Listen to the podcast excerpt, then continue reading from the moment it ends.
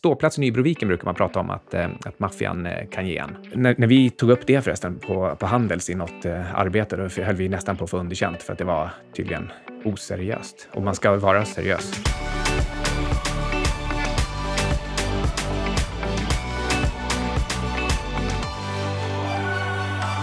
Jag är hemma!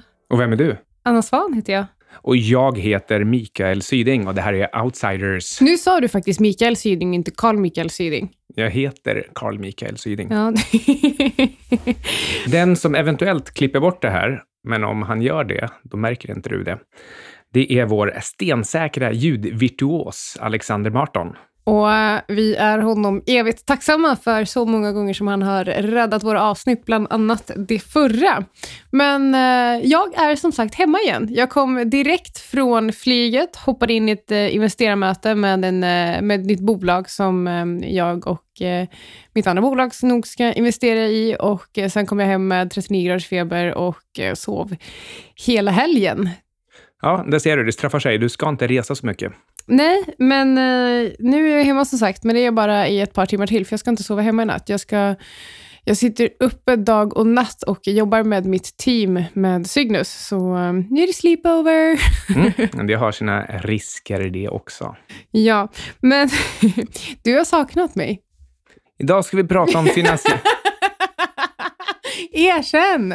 Vi ska om finansiella risker från stenåldern. Vi ska bland annat ta upp den här hypade flintabranschen. Där fick man ta riktig risk. För att man ska kunna starta en gruva då under stenåldern så måste man först eh, resa kapital hos riskkapitalister, presentera affärsmodellen, gräva hål i marken och ta upp sten. Och sen byta den här stenen mot eh, färdiga verktyg, mat och eh, skinn. Mm, och det där är faktiskt inte så långt ifrån vad vi ska prata om idag. Men Först vill vi tacka veckans sponsor Trine.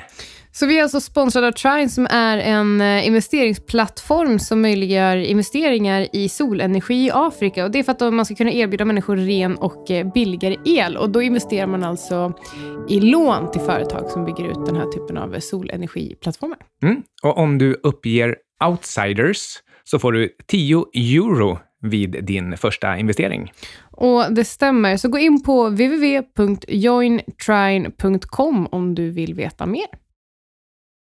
Idag så ska vi prata om råvaror. Och råvaror, det kan till exempel vara klockaffärer, elektricitet, stål, uran eller brons. Eh, men vi ska också prata en hel del om eh, centralbanker och eh, lite mindre vanliga valutor som pund, vete och guld. jag älskar att pundet ligger där också. ja, för just nu är det ju guldeko, men mer om det senare. Och vi har även lite recessionssignaler och vi ska prata om varför Fed aldrig hjälper folk att faktiskt förbereda sig inför stormen. Vi börjar med klockor.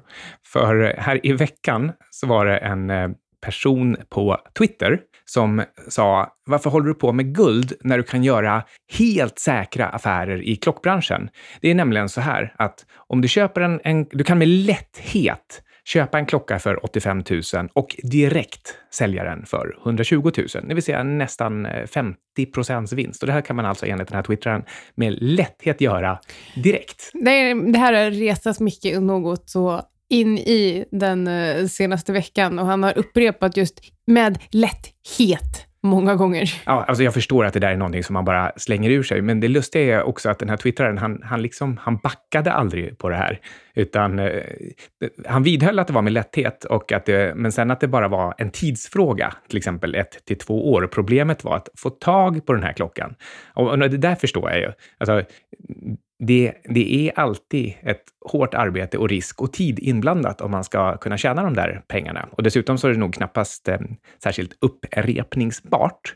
Men det han eh, inledde med, nämligen att jämföra med guld, där håller jag ju med. Att det här är, alltså klockor är också pengar. Det är bara ett problem jämfört med guld är att med tiden så eroderar de garanterat. Du måste betala service och underhåll varje år. Och trots att du gör det så kommer ju klockan till slut bli en värdelös klump eh, skrot efter några hundra eller tusen år. Mm. Och i det sammanhanget så kan vi också ta upp att Rolex snart firar 100 år som schweiziskt eh, klockmärke. Rolex är ju egentligen ett brittiskt klockmärke, men för nästan ett sekel sedan så flyttade de till Schweiz, för det är ju där alla riktiga klockor finns. Så numera så är det nog många som tänker på Rolex som ett, eh, ett schweiziskt klockmärke. Och, och just det här att de inte ens är 100 år gamla och folk ändå liksom pratar om det som att man kan göra säkra långsiktiga affärer i någonting som till och med i klockbranschen anses vara bara en, eh, ja, en liten modebubbla. En liten modebubbla. Och eh, det vi vill egentligen poängtera med det här är att det finns ju, som vi har varit inne på många gånger innan, ingen hög säker avkastning. Och vi brukar ju älska att likna allting vid vad Mark säger. Och han pratar om eh, den re det reella sambandet mellan eh, risk och avkastning. Och den här är verkligen inte linjär. Det är så absolut inte så per automatik att ju högre risk du tar, desto högre avkastning får du. För då hade det ju inte varit att ta risk. Eh, och eh, det var så mycket vi var inne på förut. Eh, avkastning eh, handlar liksom antingen om hårt arbete eller tur. Och eh, några som jobbade ganska hårt eh, för att få avkastning för sina pengar, det var bronsbaroner för 3000 år sedan.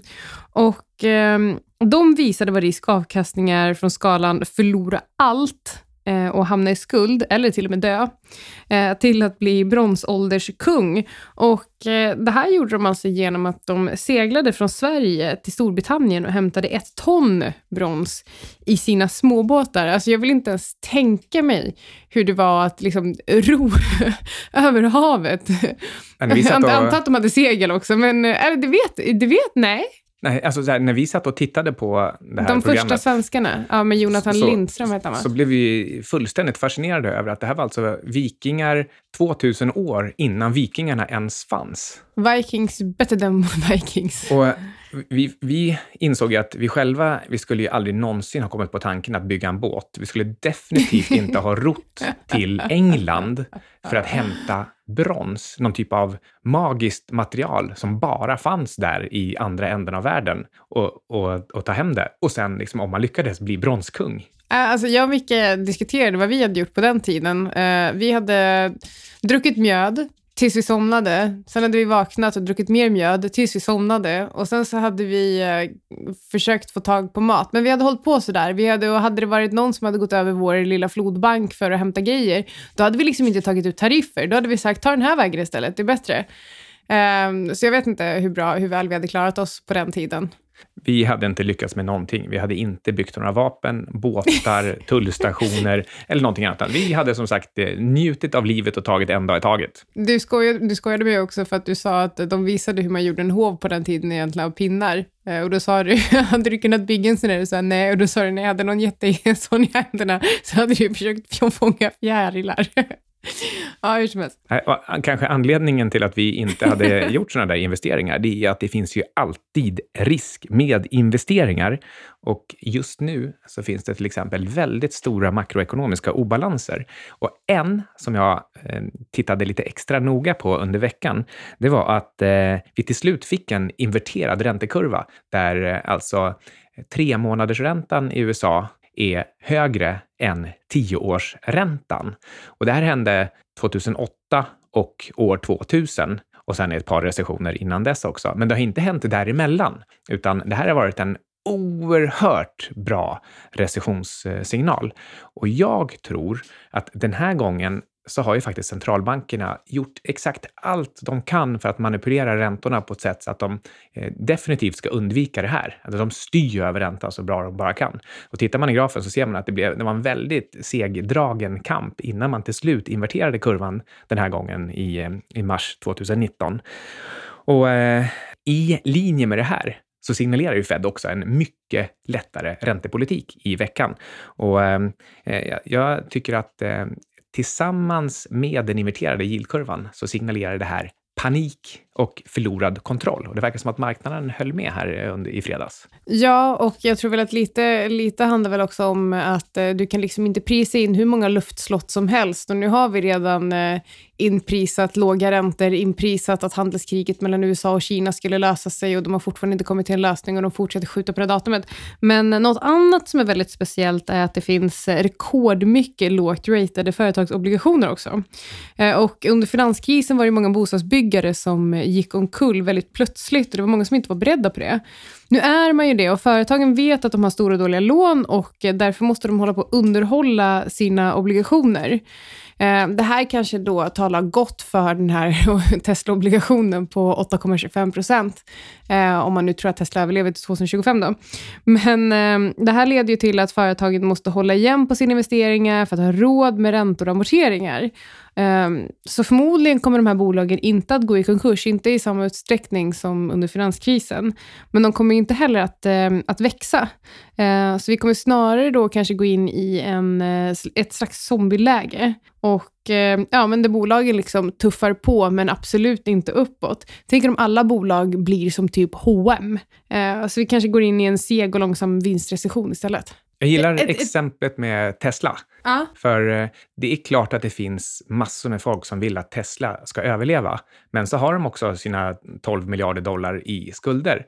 Och eh, så länge de måste serva de där obligationerna så har de inte råd att bygga nya fabriker och nya, nya modeller, vilket innebär att det här inte längre är ett tillväxtbolag, utan det här är ett zombiebolag som bara lever för sina fordringsägare. Så det är verkligen ett case in point. Och det gör ju också då att de företag som Tesla skulle ha köpt investeringsmaterial ifrån, verktyg och fabriker, de får ju inte sålt det som de skulle ha sålt i Tesla. Så även de företagen drabbas och, och växer inte. Och på tal om zombies och andra ränterelaterade risker så, så har vi Zombie McMansions, det vill säga de här stora, lite smaklösa husen som boomergenerationen i USA byggde för att de typ tyckte att de hade råd, för att det var ekonomisk boom, för att räntorna var låga, för att man fick väldigt bra villkor från husbyggarna, de här som du nyss sa gick i konkurs.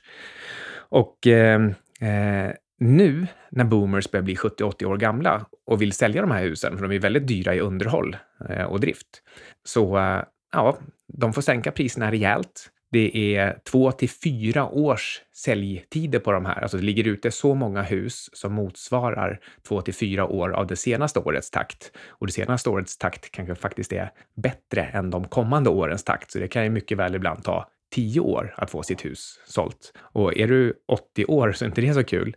Och problemet är att de som ska köpa, det är ju millennials. Och millennials tycker inte att McMansions är så himla kul att flytta in i, utan de vill bo närmare stan och är mer moderna. Och, Dessutom och, har de tagit så mycket konsumtionslån för att typ ha råd med livsstil. Så precis, att... precis, så de har verkligen inte råd. Och då är vi inne på en, en ytterligare en sån här zombie-effekt, där eh, de här, den här äldre generationen, de skulle ju sälja sina hus och flytta in i någonting mindre och så skulle de ta pengarna och konsumera och kanske till och med också investera. Nu blir de ju tvungna att, att sälja av alla sina investeringsportföljer för att ha råd att konsumera. Så eh, det, här blir, det här blir en riktigt segdragen historia, en, en, en riktig U-konjunktur snarare än en V med snabbt ner, snabbt upp. Så jag tror att den här recessionen vi har framför oss, den blir inte som vi har vant oss, att Fed kommer ridandes som en vit riddare. Och, Nej, de har inga verktyg kvar. Det säger ju Powell också. Han gick ju ganska nyligen ut och sa att de hade under ett års tid nu arbetat med att ta fram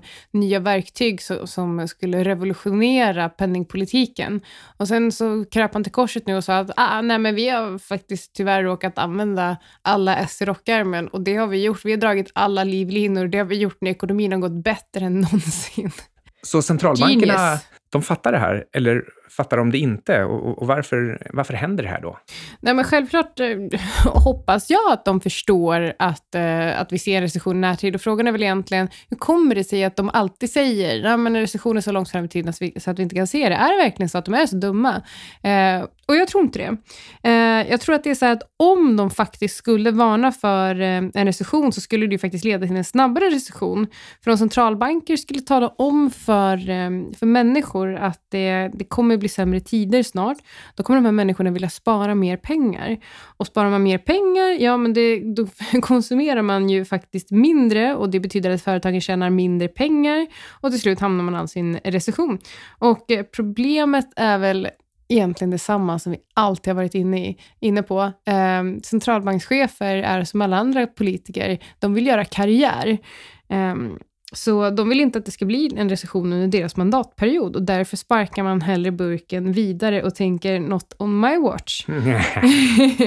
så centralbankerna, ja, men de vill inte centralbankerna som institution, men människorna som jobbar på centralbankerna. Eftersom att de vill göra karriär så leder deras eh, gemensamma beteende, och då blir det således centralbankernas beteende, till att de här cyklerna förvärras.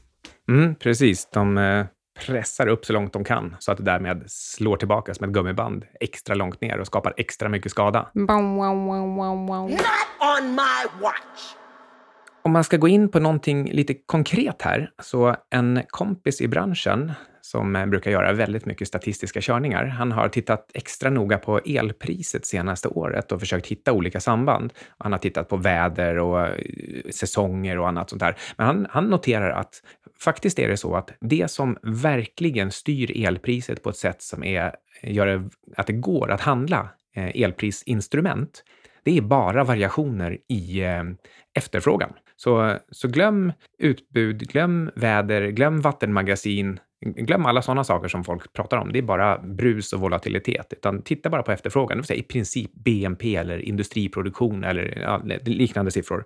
Och eh, eh, tror man då som vi att det kommer en, eh, en svacka och kanske till och med en rejäl recession, så kommer elpriset falla ordentligt. Så här finns det läge att eh, shorta elprisinstrument. Eh, Ingen rekommendation dock. Nej, jag tänkte precis säga, just elpris kanske är många som känner sig lite obekväma att handla, så, kör, så gör inte, ta inte den positionen på vår eh, rekommendation. Mm, men vad ska man i sådana fall då investera i i den här miljön, när centralbanker medvetet verkar förstöra både ekonomin och eh, valutorna?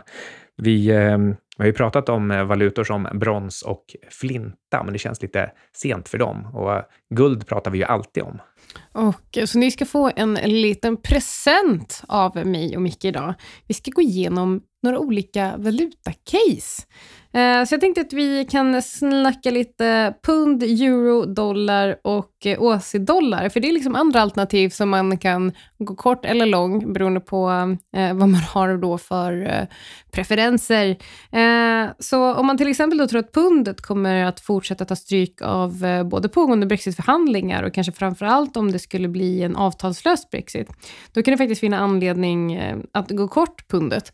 Eh, och det skulle man ju kunna göra mot ehm, jag tycker väl i princip alltid att man bör göra det mot dollarn i så fall. Euron är ju ja, det är ett riktigt, riktigt torgebarn. Och, ja, men vad, vad säger du, Micke? Ja, om, om man undantar guld från ekvationen, då håller jag med om att eh, så fort man pratar om eh, liksom, någon typ av valuta benchmark så måste det nog egentligen vara dollarn som man, som man alltid mäter mot. Så det, det är guld eller dollar. Dollar kallades ju för good as gold eh, ett tag. Det var, ju så, det var ju så de blev... Eh, det, det roliga är att det var ju verkligen eh, själva slagordet när man gjorde det till reservvaluta. Och sen dess har de tappat 97 procent av värdet, alltså blivit, fallit till en 33 del. Ja, så det, det, är fantastiskt hur det går. Mm. Eh, men ja, absolut, det är i sådana fall eh, dollarn som är den eh, minst smutsiga skjortan i tvättkorgen, som man, som man alltid kan... det är den man plockar upp och tar på sig när man ska gå på fest, om man nu måste ha en skjorta. Men om vi går vidare till andra valutor, så Ingves, han gör ju faktiskt ett kanonjobb. om man vill gå kort seken. Ja, med att, med att sänka kronan. Så man kan i princip säga att han har gjutit eh, stenskor på valutan och svenska ekonomin och eh, sänkt den i, i Nybroviken. Ja, ja. Ståplats i Nybroviken brukar man prata om att, eh, att maffian eh, kan ge en. Mm. När, när, vi tog upp det förresten på, på Handels i något eh, arbete, då höll vi nästan på att få underkänt för att det var tydligen oseriöst. Och Oj, man ska vara seriös. Man ska vara, och vi var du... inte tillräckligt seriösa. Men om han fortsätter då med sin tvivelaktiga penningpolitik, så ja, det blir väl återigen då att man ska korta kronan mot dollar. Och det gör man ju genom att köpa Amerikan. US Treasuries. Ja, eller en korträntefond helt enkelt. Jag tror man kan säkert hitta en korträntefond på de vanliga eh, internetmäklarna. Ja, det tror jag verkligen. Och, ehm, och sen så är det också viktigt här att eh, om du tittar på din totala portfölj, och om du bara exponerar mot svenska aktier, så är det faktiskt väldigt, väldigt viktigt att du någonstans har en valutahedge för den svenska kronan. Precis om, om du vill ha någon typ av köpkraft utomlands, så se till så att du inte bara är exponerad mot SEK. Ja, men det känns ju som att vi, vi har väl egentligen utgått från att om man håller på med aktier, då har man redan en global aktieportfölj. Ja, Men om man inte har det, då absolut. då är det här Eh, jätteviktigt. då, då kan man köpa Apple för att, för att shorta kronan. Ja. Eller Spotify. Eh, men, men som jag var inne på innan, då, eh, ytterligare ett case, så har ju euron varit ett eh, sorgebarn sedan start, men de har i alla fall överpresterat seken year to day. In, inte för att det i sig är liksom någon prestation som är värd att skryta över, men, men, Men det är ju fantastiskt att de har gjort det. Hur kan den där surdegen söder om, om Skåne, hur kan den jäsa till sig på det här sättet? Ja, men jag tror också så här, skulle, har man nu någon slags för, så här, om man nu har någon förkärlek mot eh, euron och känner att om jag vill verkligen, verkligen gå lång euron, ja, men gör det mot seken då, det är typ ett säkert kort. Ja, och, som tur är så bor vi ju i Sverige, så det, då är det ju faktiskt bara att köpa en korträntefond Ja. någonstans i Euroland. Exakt. Jag, jag tror att det enkla svaret till varför euron överhuvudtaget kan gå bättre än, än, eh, än kronan, det är helt enkelt att det, det är stort. Ja, nej men verkligen. Jag, och jag håller med. Och eh, sen ett annat case som vi har, eh, ett annat valutacase som eh, vi pratade om för några veckor sedan, det är ju åsdollarn. Eh, och där jag, eh, det jag sa då för några veckor sedan, att jag trodde att det kunde finnas ett riktigt bra kortläge och eh, bara typ dagar efter det så föll den till eh, typ eh, årslägsta eller 12 månaders lägsta eller någonting. Så Visst eh, pratade vi den gången om riskerna i Kina och med Kinas Ja, enorma. Och, eh, skulduppbyggnad och sådär? Ja, nej, inte skulduppbyggnad i Kina. Däremot så diskuterade vi att eh, Kina eh, delvis slutar importera kol från Australien och eh, det hade fått mig att börja titta på Australiens veteexport. Ehm, så det var därför vi, eh, vi diskuterade åsdollarn. Okej. För, för jag tror annars att när världen går ner i en lågkonjunktur, då kan Kina vara ett av de länderna som ligger allra värst till, just för att de har byggt upp mer skulder och snabbare än något annat land någonsin har gjort. Och det här har alltid lett till väldigt, väldigt mycket tårar. Och eh, när Kina kollapsar, då blir Australien, ja, och så några av de andra små intilliggande ekonomierna, men, men Australien blir liksom det största landet som åker dit ordentligt. Och, och just för att de har haft högkonjunktur i 27 år i sträck så, så blir det extra illa där. Ja, verkligen. Men eh, vad är det enkla svaret då? Ja, det är ju förstås alltid guld och det pratar vi alltid om här och vi älskar guld och på sikt så kommer det där bli, det din mest fantastiska investering. I love gold so much that I even lost my genitalia in an unfortunate smelting accident. Men jag lyssnade på, eh, på TIP med Marion Katusa som är en eh, fantastisk råvaruanalytiker. Han har bland annat kartlagt alla guldgruvor som finns, som har mer än 50 000 eh, ounce guld i reserver. Så att han, har, han, vet, eh, han vet precis vad det kostar att ta upp guld på exakt alla ställen. Så han, han har full koll på precis allting. Och han har en modell som han kallar för Boom Bust Echo. Och vi är just nu i echo-fasen i guld. Och det är egentligen bara en, en reflexmässig liten minibull, en liten ministuds. Och han liksom även Eric Townsend i Macro Voices, tror därför att eh, best guess är nog att vi får se en test neråt till, kanske mot 1100. Han är inte lika negativ, eller vad man ska kalla det för, förhoppningsfull som Eric Townsend om att han ska kunna köpa billigt. Men, eh, men så, så Marin Katusa, om man vill lyssna på någon som faktiskt är superguld och som har väldigt starka argument för varför den här ekofasen kanske går över 2019-2020. Så eh, ja, då, då, är det honom man ska lyssna på. Och eh, jag, jag blir ändå lite sådär vaksam till att man, man kanske inte ska ha sin absolut fulla guldexponering eh, nu. Men ja, å andra sidan, om det, om det är 15 procents nedsida så då är inte Och det... sen uppsidan efter det. Så att, nej. Under tiden kanske man tjänar pengar som man kan slänga in i guld då istället. Det, dessutom så pratar vi om att bencha det här mot kanske aktiemarknaden som kanske ska ner 30 till 50 procent under tiden. Så, ja, ja. Men eh, han pratar även i precis samma termer om mjuka jordbruksråvaror och även lite grann om eh, uran. Eh, men om det var någonting timingmässigt som han verkar vara allra mest håsad till så var det faktiskt uran. Så eh, eh Johan på Börspodden, lyssna lite extra. Du kanske får draghjälp här nu. Ja, men du nämnde jordbruksråvaror, så vete vette fan alltså. Haha, så rolig. Men eh, jag har ju pratat, som jag nämnde innan, en hel del om den globala vetesituationen eh, efter att jag tittat på Australiens export. Så att jag är väl kanske inte helt oväntat positiv till eh, jordbruksråvaror då, även såklart eh, vete. Men eh, du, hur, eh, hur, ska vi, hur ska man sammanfatta dagens avsnitt? Det har varit lite gott och blandat. Med start i den där klockhistorien, så investeringar innebär alltid risk. Du gör inte stor avkastning med lätthet. Det här gäller sen gammalt och då menar inte jag sen, eh, sen min skoltid, utan då menar jag sen eh, brons och flintatiden. Så vi är egentligen, eh, ja precis, och centralbanker förvärrar situationen. Så om det var hög risk på bronsåldern så är det högre risk nu. Och de deras stora problem är väl egentligen att de vill göra karriär och det gör att de inte vill att en recession ska ske under deras, ehm, under deras mandatperioder och därför sparkar de den här burken lite framför sig och säger något om my watch. Eh, så det gör också så att eh, ingen kan egentligen förbereda sig på vad det som komma skall. Så poängen blir här att eh, hedga systemriskerna som centralbankerna har skapat och gör det bland annat med att köpa guld eller annat som kan anses som pengar med ett inneboende värde.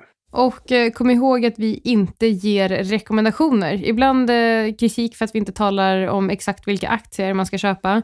Men eh, helt ärligt, med tanke på alla gratis aktierekar som bara ösas ut i etern så räcker det.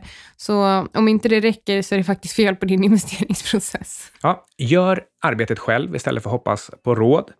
Och tro inte att du ska bli rik på att köpa och sälja modeklockor som Rolex. Den har faktiskt inte ens funnits i hundra år. Du har snart funnits i hundra år. Du har lyssnat på Outsiders. Outsiders. Med Syding och Svan.